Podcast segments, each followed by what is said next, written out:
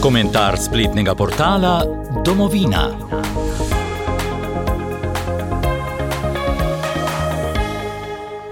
Komentar dr. Gabriela Kaučiča, objavljen na spletu domovina.je pod naslovom Zapuščina Benedikta XVI. neredko spregledana, zavajajoče prikazana, kritizirana.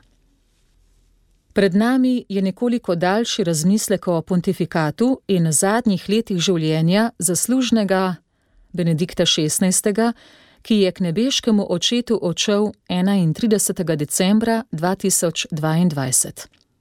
Takole piše dr. Gabriel Kaučič.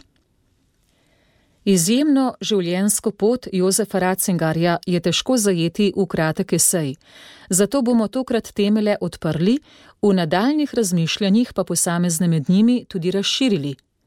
Tokrat se bomo osredotočili le na pontifikat in njegova zadnja leta, zavedajoč se, da bi bilo treba pozornost nameniti tudi njegovemu bogatemu življenju pred tem, ko je zasedel Petrov prestol. Katere teme so torej bistveno zaznamovale pontifikat Benedikta XVI. Morda Benedikt res nikoli ni imel karizme Janeza Pavla II., kar se tiče obvladovanja in navduševanja velikih množic, zato pa je na nekaterih področjih poskrbel za bistvene spremembe v primerjavi s svojim predhodnikom. Roko na srce, to bi pravzaprav pričakovali že od svetniškega Janeza Pavla II., ki pa je očitno dobro namerno mižal na obe očesi, ko je šlo za teme zlorab. Najbolj se je to pokazalo v primeru enega prvih ukrepov, ki jih je zahteval novo izvoljeni Benedikt XVI. in sicer je ukazal upokojitev Mačela, ustanovitelja Kristusovih legionarjev, zaradi njegovih v nebo upijočih zlorab v preteklosti. Benedikt je bil tudi prvi, ki je temu zlorab jasno izpostavil, se za vse trpljenje opravičil in postavil pravne temelje, na katerih je pozneje njegov naslednik lahko začel temeljito reformo, ki še traja. Čeprav mu nekateri radi očitajo neukrepanje in dvojna merila, tega so tedni polni tudi slovenski mediji, je vedno bolj očitno, da so se reforme pripravljale pod Benediktom, papež Frančišek pa je z začetim delom nadaljeval. Tak avgijev hlev je pač težko skidati v navednicah na hitro.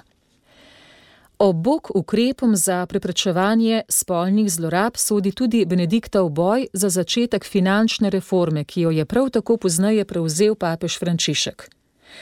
Po ustanovitvi Evropske unije je bila crkva prisiljena posodobiti upravljanje svojih financ.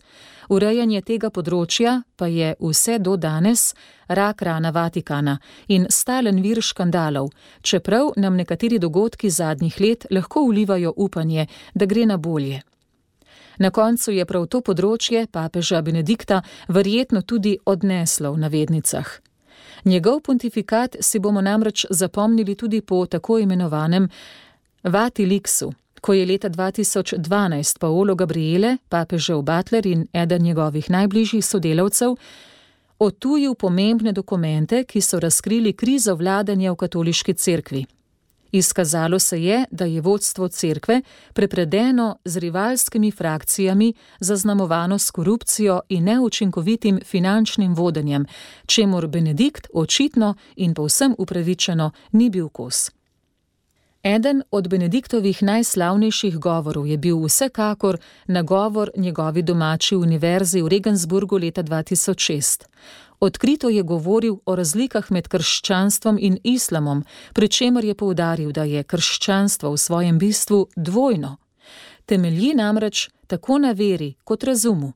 Vodilo islama pa je, tako papež Benedikt, samo vera. Posledica tega je, da lahko krščanstvo priznava temeljno legitimnost svobode posameznika in posvetne oblasti, kakor uči evangelij: dati cesarju, kar je cesarjevo. To pa je islamu povsem tuje.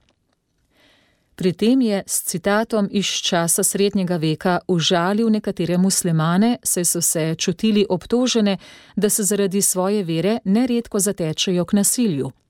Ironično, so odgovorili z nasiljem. Papežev govor je sprožil množične in nasilne demonstracije muslimanov po svetu, pri čemer so zažgali Benediktovo podobo, razdajali najmanj šest crkva na Bližnem vzhodu, nekaj kristijanov je celo izgubilo življenje. Kljub temu pa je imel Benediktov pogum na dolgi rok pozitivne posledice. Leta 2008 je papež organiziral prvi islamsko-krščanski forum in s tem spodbudil tesnejše sodelovanje med tema dvema religijama, veliko je delal tudi na odnosu do islama. Tako izven cerkve kot znotraj nje se je Benedikt pokazal kot človek izjemnega razumevanja in dialoga. Iskal je skupno pot z izobčenimi skupinami znotraj cerkve, prav tako pa iskal skupnega jezika z drugimi religijami zato pa je bil kontroverzna osebnost. V času politične korektnosti, ki desetletja vlada tudi na verskem področju, je bil Benedikt pogumen oznanjevalec Kristusa, brez slepomišanja, kaj in komu katoličani resnično verujemo.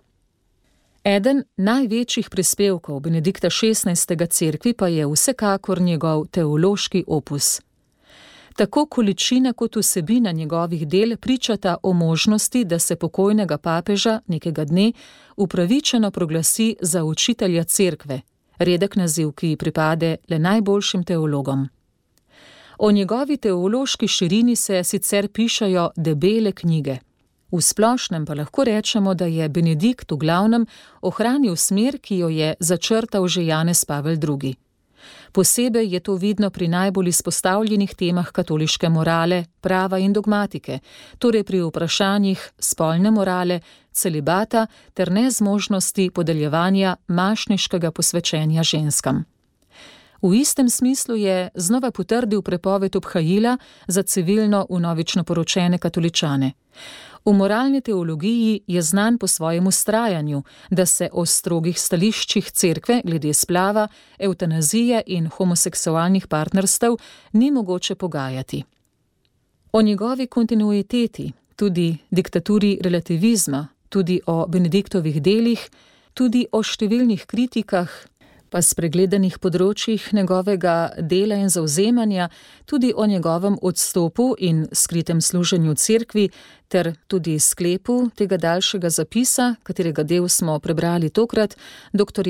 Gabriela Kavčiča, lahko preberete na domovina.je. Komentar spletnega portala Domovina.